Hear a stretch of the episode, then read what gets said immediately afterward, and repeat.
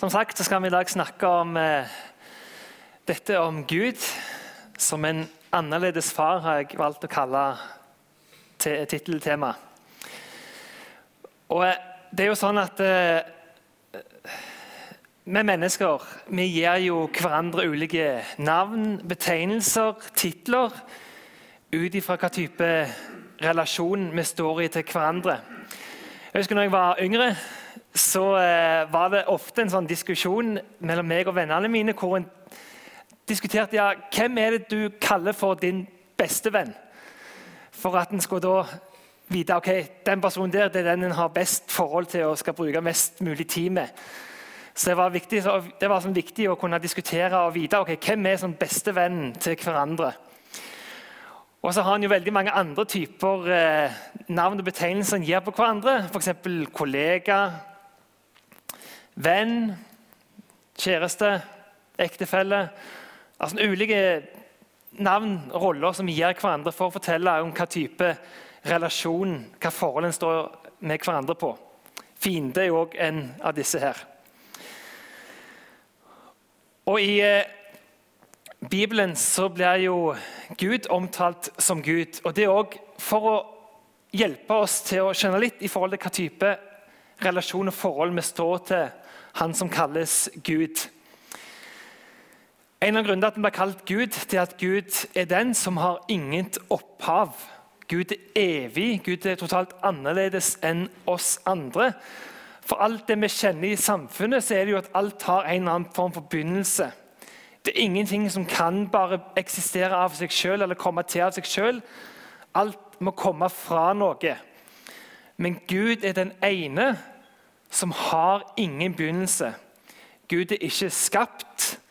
Gud har alltid vært der. Gud er evig. Så Det er en av grunnene vi kaller Gud for Gud. nettopp At han er totalt annerledes, uten opphav, sånn som oss. En annen ting er at han også er atskilt. Ved å være evig så betyr det at Gud også er atskilt, helt annerledes. Vi kaller gjerne Gud for hellig. Det betyr at han står annerledes fra det andre som er skapt. Gud er ikke sånn som oss. Og Det gjør også at Gud på mange måter blir uforståelig. Det blir vanskelig for oss å skjønne hvordan Gud er. Og det blir òg umulig og vanskelig for oss å komme i kontakt med Gud på egen hånd. Fra menneskets begynnelse har det jo vært utrolig mange ulike forsøk på å finne ut hvem Gud er, og hvordan en kan komme i kontakt med Han. Men fordi Gud er Gud, så er vi avhengig av at Han som kommer til oss, han som viser seg for oss, og det er jo det nettopp hans sønn Jesus gjør. og Det er derfor Jesus blir så viktig. For det eneste muligheten til å få se noe av hvem Gud er, og komme i kontakt med Gud. Men Gud omtaler seg òg i Bibelen som far. Og Det er jo noe som vi kjenner igjen fra vår hverdag. Så vi skal i dag snakke om hvorfor kaller Gud seg som far. Hva betyr det for oss? Og hvilken type far er det Gud er? Så med det så skal vi lese det som er dagens eh, bibeltekst fra evangeliet til Lukas, fra kapittel 11, fra vers 1-13. Og Da kan vi ta oss og eh, reise oss mens teksten blir lest. Så skal vi lese dagens tekst.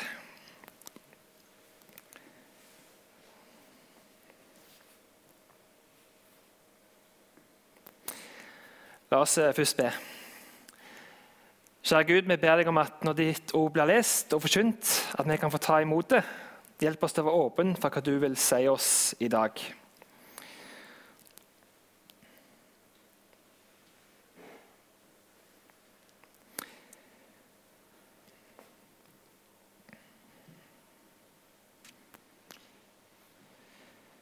Det er ikke bare bare når du skal ha Bibelen digitalt. Av og til ser jeg at det kan være greit å bruke en vanlig bok.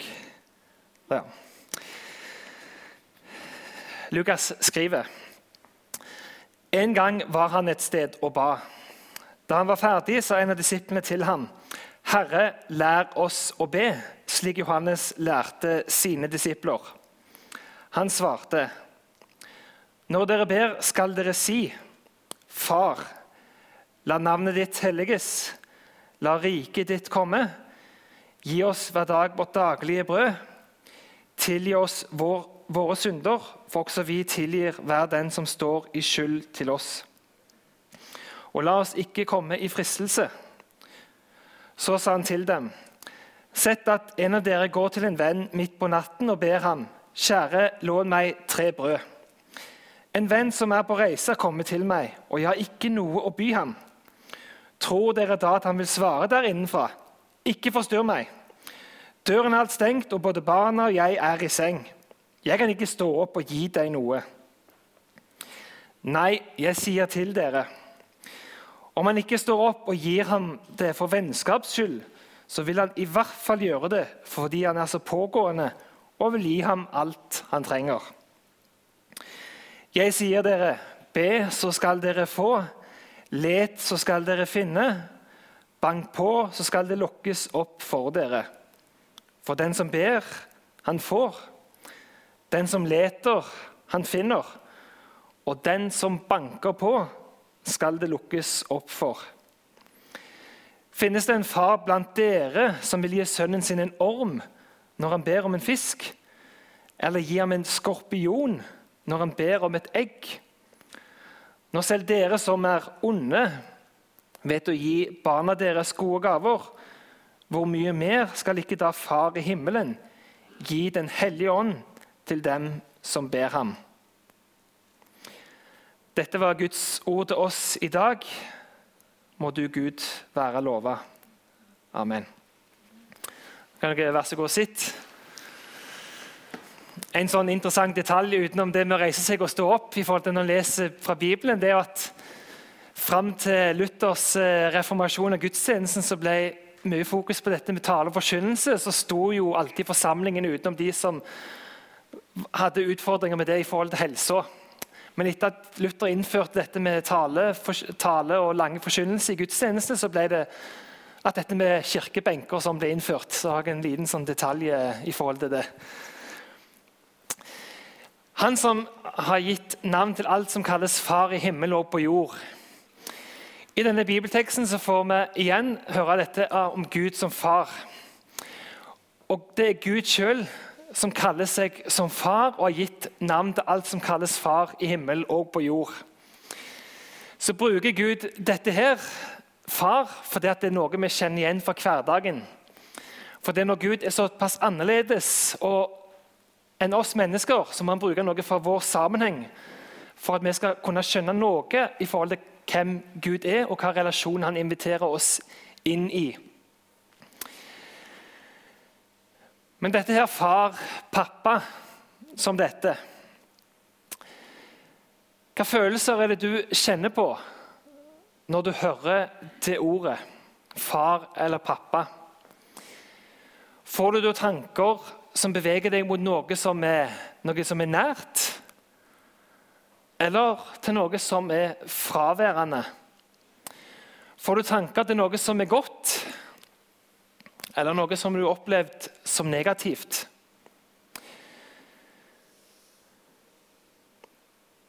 Hvordan blir Gud sjøl speila i det som du bærer på, i forhold til tanker og følelser i forhold til dette med far og pappa.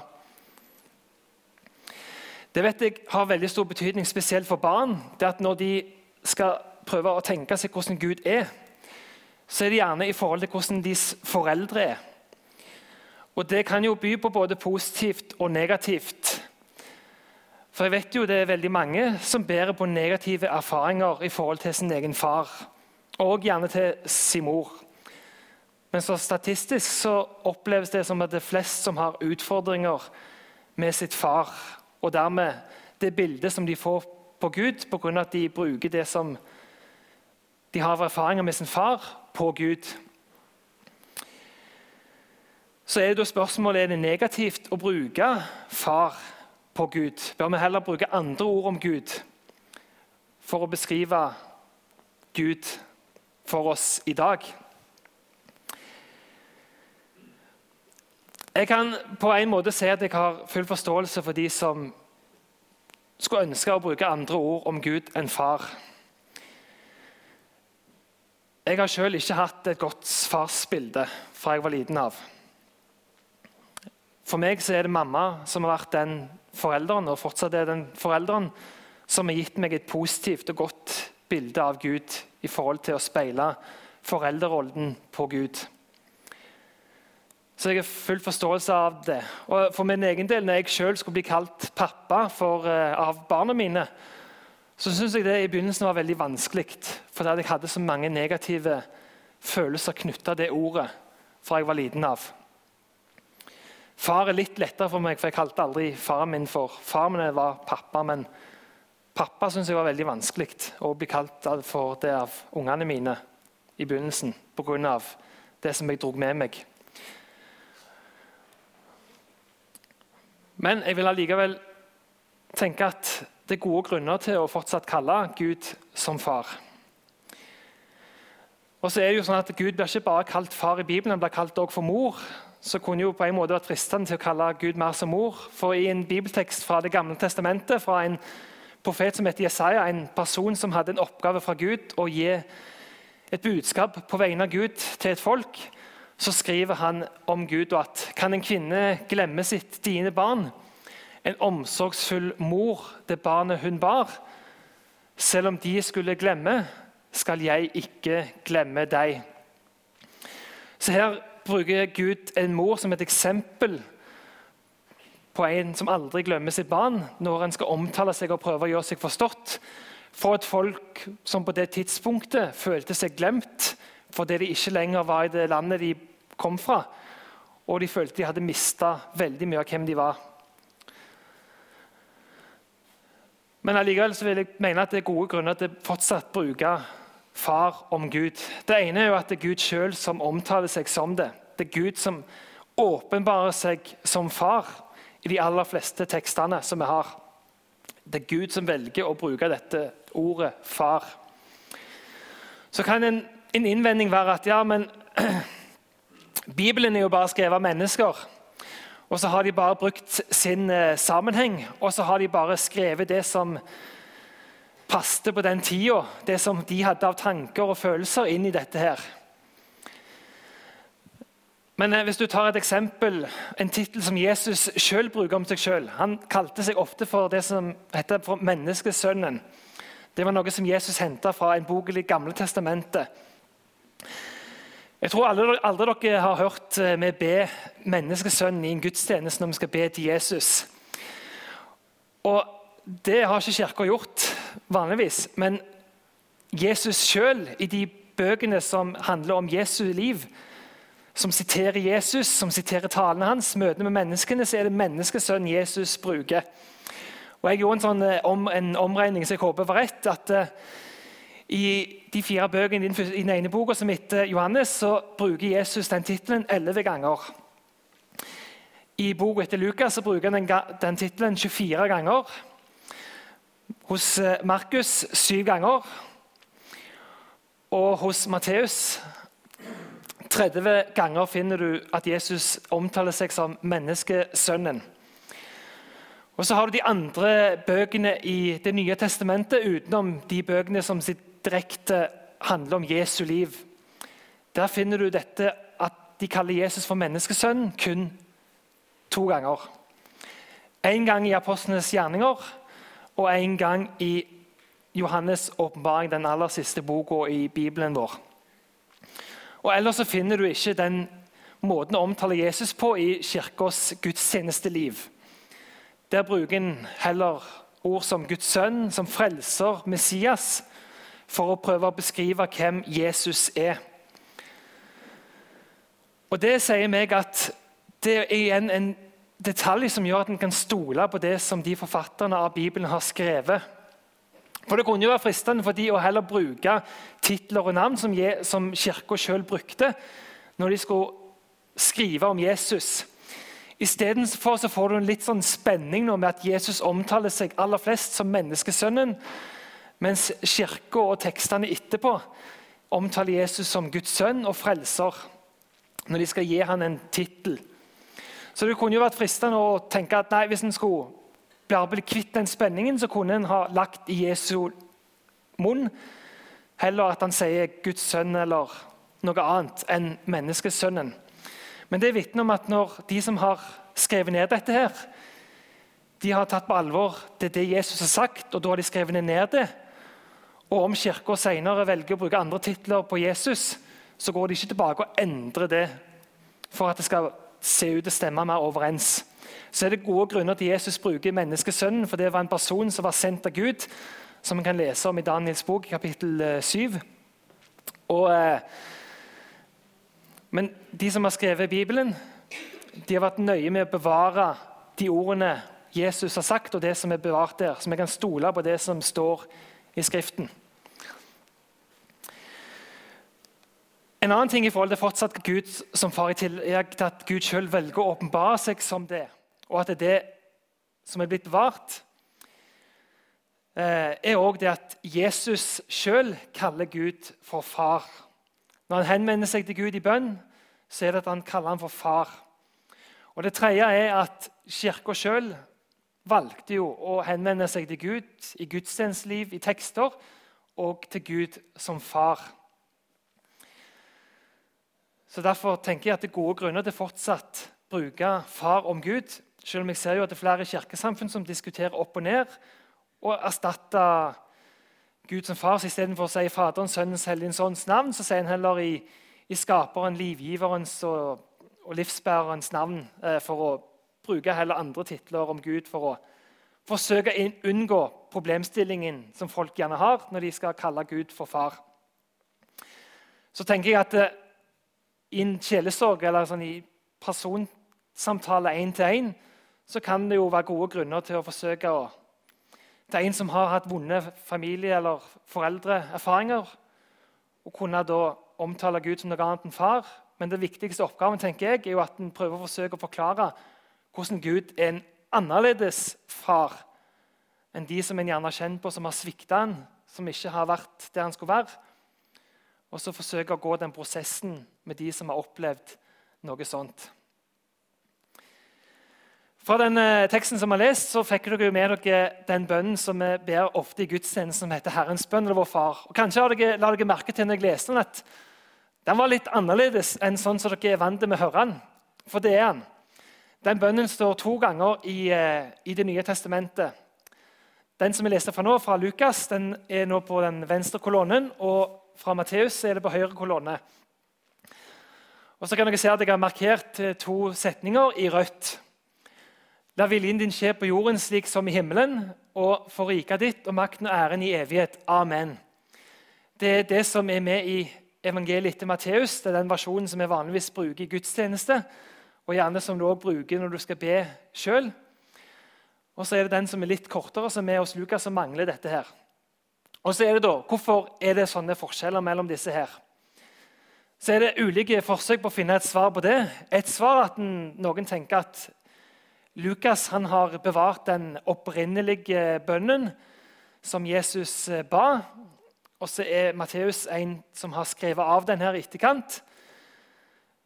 Men den, mest, eh, den eh, svaret som har fått mest omslutning blant forskere, det er at Jesus har bedt denne bønnen i flere anledninger.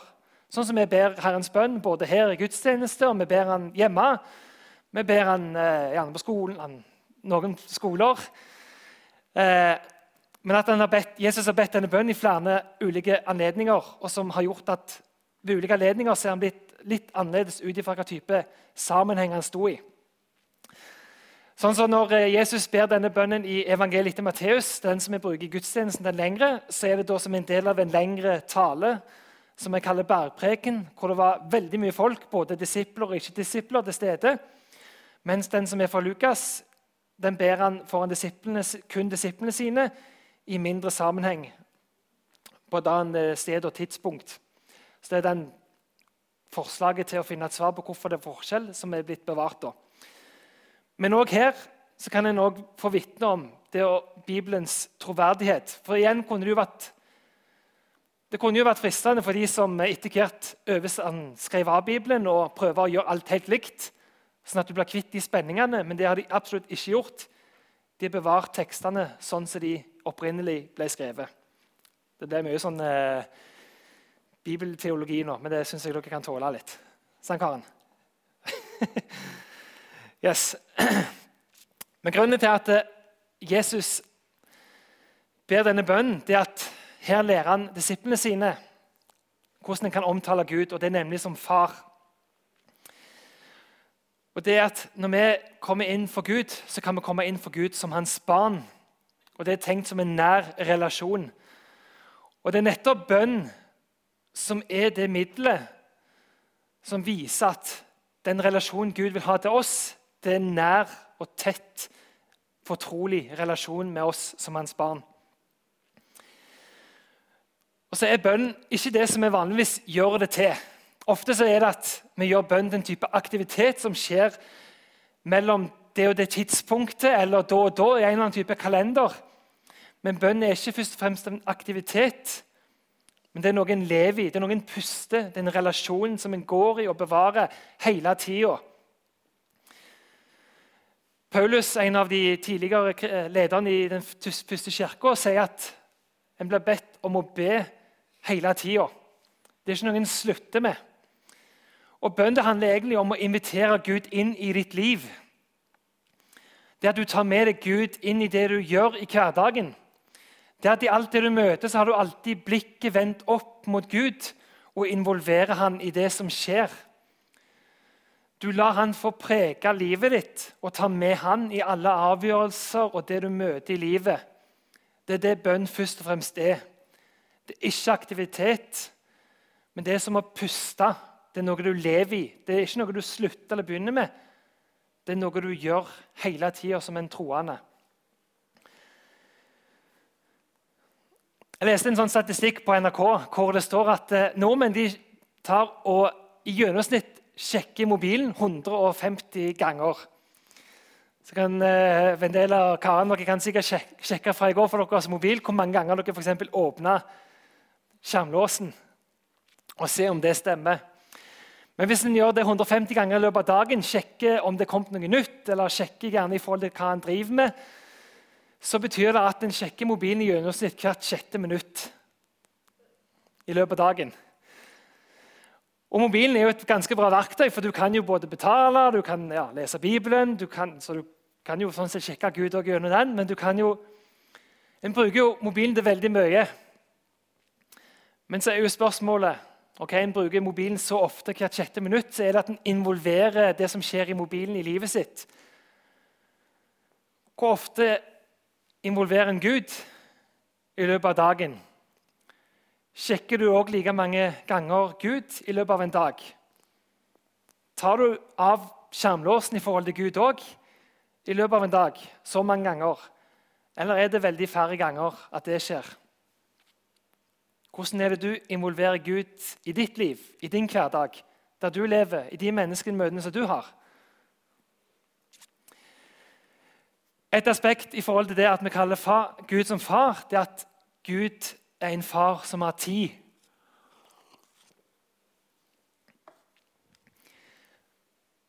Det er ofte at og jeg vet det selv, bare blant annet I dag tidlig så skulle jeg forberede, talen, altså forberede meg til gudstjeneste. og Da satt jeg hjemme Eh, og Så kom jo så klart guttene inn. Og så gjorde jeg jo den store feilen at jeg sa jeg har ikke tid til å leke nå, for nå er jeg opptatt. Jeg hadde ikke tid. Mange av oss har opplevd foreldre som ikke har tid. Som velger å prioritere noe helt annet enn oss som barn. Og Vi som foreldre vet òg at vi ofte har prioritert noe annet enn våre barn at det ikke passer. Anledningen er ikke der. Men Gud han er en som alltid har tid. Han er en som alltid er der. Det er aldri et øyeblikk eller et sekund hvor Gud ikke har tid. Og Det får en jo fra annet denne lignelsen som jeg leste, hvor en hører om en venn som går til en annen venn midt på natta fordi at han trenger noe brød. Hvor mange her har gått til en nabo eller en venn midt på natta for å spørre om brød? Ingen. I verste fall så springer jeg ned på bensinstasjonen midt på natta og håper at det er noen brød igjen på butikken der. Det tror jeg det er det lengste skrittet de fleste av oss går til. Og så kan en være veldig sånn redd for Hvis en skal gå til noen midt på natta, eller når det er kveld, så er en redd for å nei, vekker jeg denne personen. Flere ganger har noen ringt til meg sånn klokka ni eller ti. Og så har de spurt du, du sover ikke nå? Så sa jeg nei, jeg er B-menneske. Jeg legger meg aldri før klokka tolv. Det skjer ikke. Jeg burde gjort det, men det skjer sjeldent. Men også på denne tida var det sånn at de som lå, og sov, de lå alle inne i ett samme rom. Det var ikke sånn at en hadde sånn som nå i dag. ok, der er soverommet for den personen, for den personen. Så hvis en gikk på døra og skulle banke på, så ville en jo vekke opp alle som lå og sov der. Unger og voksne og potensielt besteforeldre og hva det måtte være, som bodde i sammen i ett sånn ettroms bolig. Det bruker Gud som et eksempel på at sånn som denne personen her, som går midt på natta og vekker opp hele huset for noe brød Sånn kan du tenke at du alltid kan gå til Gud. Gud er alltid tid. Han hører alltid det du vil si til han. Han er alltid der for deg. Så er jo spørsmålet om en gjør bruk av denne tilgjengeligheten som Gud har. Vi har òg en far som bryr seg om våre behov. Vi ber jo bl.a.: Gi oss i dag vårt daglige brød. Og Det handler om at Gud bryr seg om de behovene vi har til daglig. Dette her betyr jo en dobbel betydning. Det ene er at Han bryr seg om at vi har nok brød å spise sånn fysisk, men òg at han vil gi oss det vi trenger for vårt åndelige liv. Gud vil gi oss det vi trenger hver dag for å leve som hele mennesker. Og Vi mennesker vi har jo ganske høy terskel for å be om hjelp. Eh, jeg tror det er veldig, jeg har i hvert fall veldig vanskelig for å be om hjelp. Så når eh, det kom to personer fra menigheten og spurte om de kunne få klippe hekken min, så var jeg jo kjempeglad. Men det at jeg sjøl skulle ringe rundt og spørre om noen hadde mulighet for det når jeg ikke har verktøy eller har tid, det hadde jeg jo ikke Det sitter langt inne. Og Det tror jeg de fleste av oss kjenner på. Det å be om hjelp sitter langt inne. Men Gud vil at vi skal be om hjelp. Han bryr seg om det som vi sitter med, og det vi har, det vi syns er vanskelig. Han bryr seg om våre behov. Så kan vi få vise, og Når vi spør Gud om hjelp, så er det jo også at vi viser Gud tillit. Vi viser han tillit. Når vi ber folk om hjelp, så er det en måte å vise tillit på. Du, viser, du går jo ikke til en som du ikke har tillit til å be om hjelp men du spør om hjelp fra folk som du har tillit for. Som Lukas skriver, Om han ikke står opp og gir ham det for vennskaps skyld, så vil han iallfall gjøre det fordi han er så pågående og gi ham alt han trenger. Her er det venner som gir hverandre noe. Gud han er den som vil gi oss noe, selv om vi ikke har gjort noe for han. Selv om vi har bare gjort dårlige ting, så ønsker Gud å gi oss og møte oss med våre behov. Og Gud er en far som gir oss bare gode gaver. Gud gir oss ikke dårlige gaver. Han er utelukkende god Gud. Han ønsker ikke dårlige gaver for vårt liv. Så kan en jo stille seg ja, men hva alt en møter i livet, er ikke, det, er ikke alt bestemt fra Gud? Er ikke det vonde som skjedde meg, sykdommen jeg har fått, sykdommen i den familien min har fått, er ikke det sendt fra Gud? Jeg tenker En skal være veldig forsiktig med å gi svar på sånne ting. Jesus ble selv møtt av noen som mente at når de så folk som sleit med sykdom, så var det pga. at enten de eller foreldrene deres eller slektningene deres de hadde gjort noe galt. så Det var en straff fra Gud. Men Jesus svarte at det er det ikke. Men nå var det heller en mulighet for at folk kunne få se hvor stor Gud var, og se hvor god han var, når Jesus helbreda og gjorde folk friske. Så er det ikke alltid at når vi ber om at folk skal bli friske, det skjer. Men Gud ønsker oss utelukkende godt. Fra bibelteksten så står det at når selv dere som er onde, gjør gode ting mot hverandre, ja, hvordan skal det ikke være når Gud er bare god, vil gi gode ting til oss? Gud vil oss bare godt, ikke dårlig. Og Det største av alt som Gud gir oss, det er jo sin kjærlighet. Kjærlighet er jo det mest grunnleggende vi mennesker trenger og har behov for fra våre foreldre. Og det er det Gud gir oss. Og Det største tegnet på hvor høyt Gud elsker oss, det er jo at han velger å ofre sitt aller, aller dyrebareste, nemlig sin egen sønn Jesus, med at han sendte han ned til jorda for å dø for, på et kors. For at vi skal få mulighet til å få tilgivelse for alt det ikke vi får til. Alt det vi bærer på av synd i livene våre.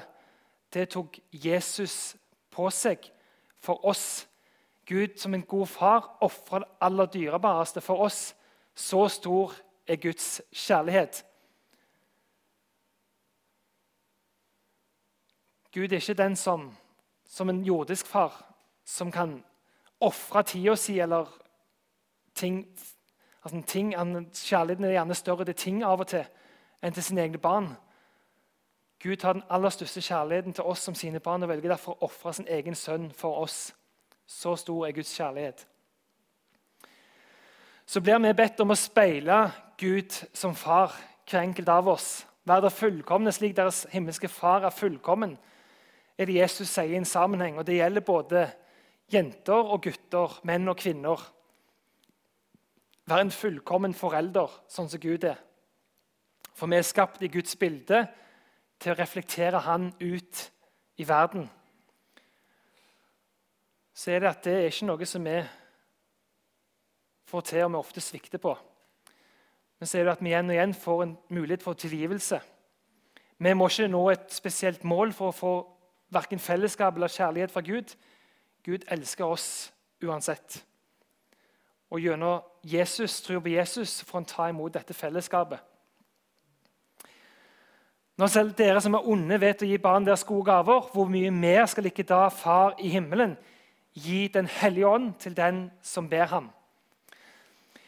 Denne teksten eller historien som Jesus fortalte, den, den finner du også to steder i Det nye testamentet. Den finner du også hos Matteus. Hos Matteus er de gode gavene sånn generelt gode gaver.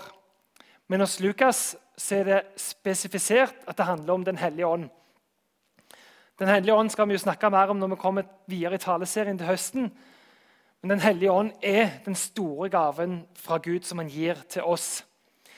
Den hellige ånd er jo den tredje personen i den ene Gud som vi tror på.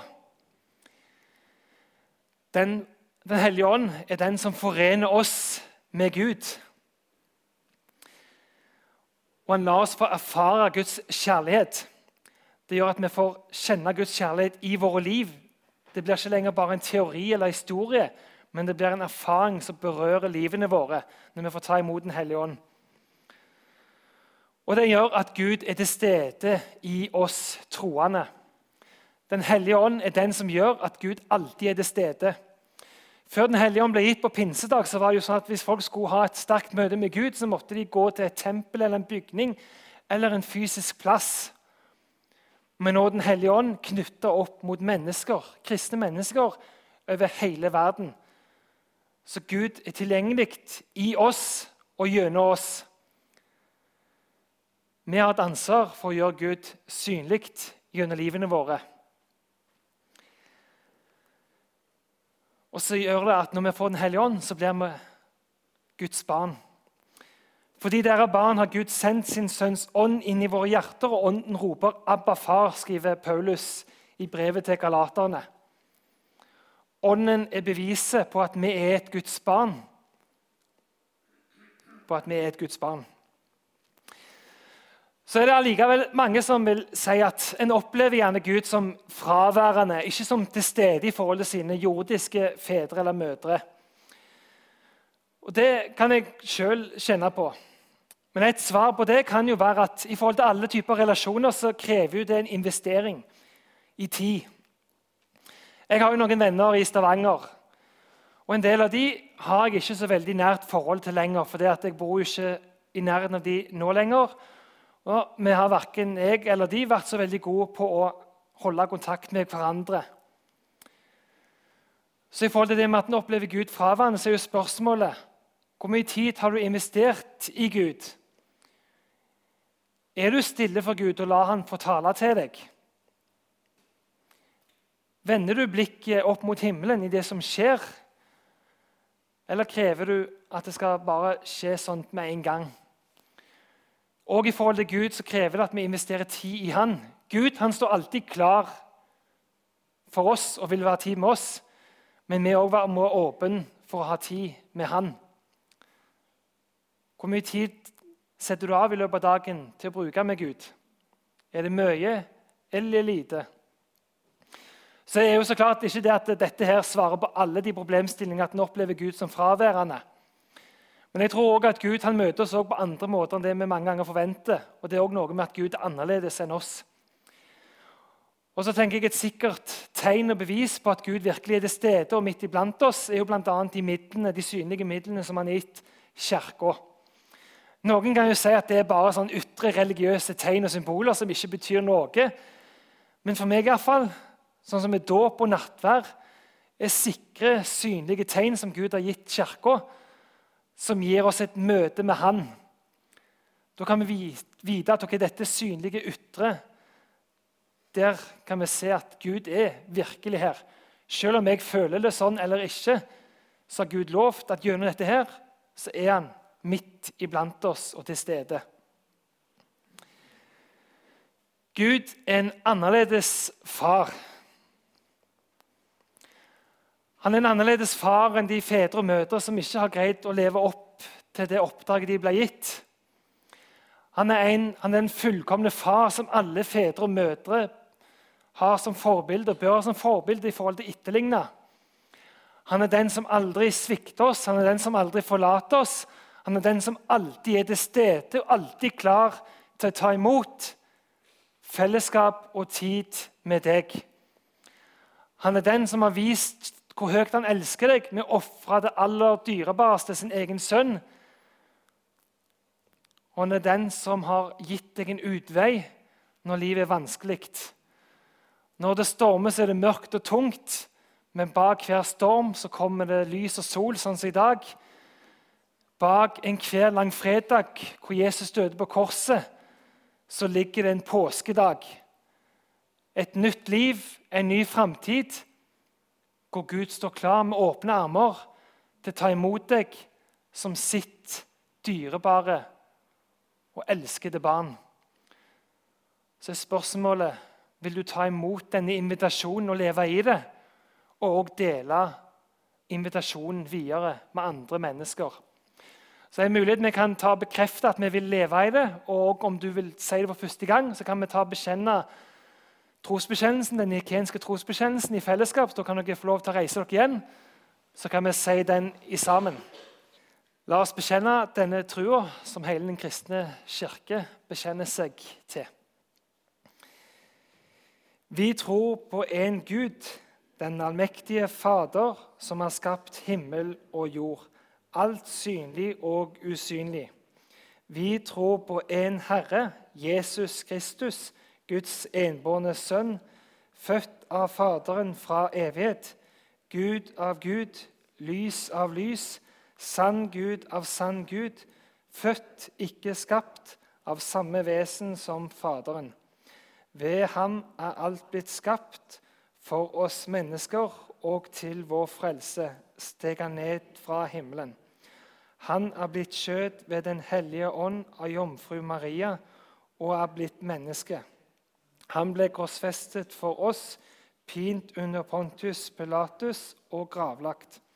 Han oppsto den tredje dag etter Skriftene, for opp til himmelen og sitter ved Faderens høyre hånd. Han skal komme igjen med herlighet og dømme levende og døde. Og på hans rike skal det ikke være ende. Vi tror på Den hellige ånd, Herre og livgiver, som utgår fra Faderen og Sønnen, som med Faderen og Sønnen tilbes og forherliges, og som har talt ved profetene. Vi tror på en hellig, allmenn apostolisk kirke. Vi bekjenner en dåp til syndens forlatelse og venter de dødes oppstandelse og det evige liv. Amen.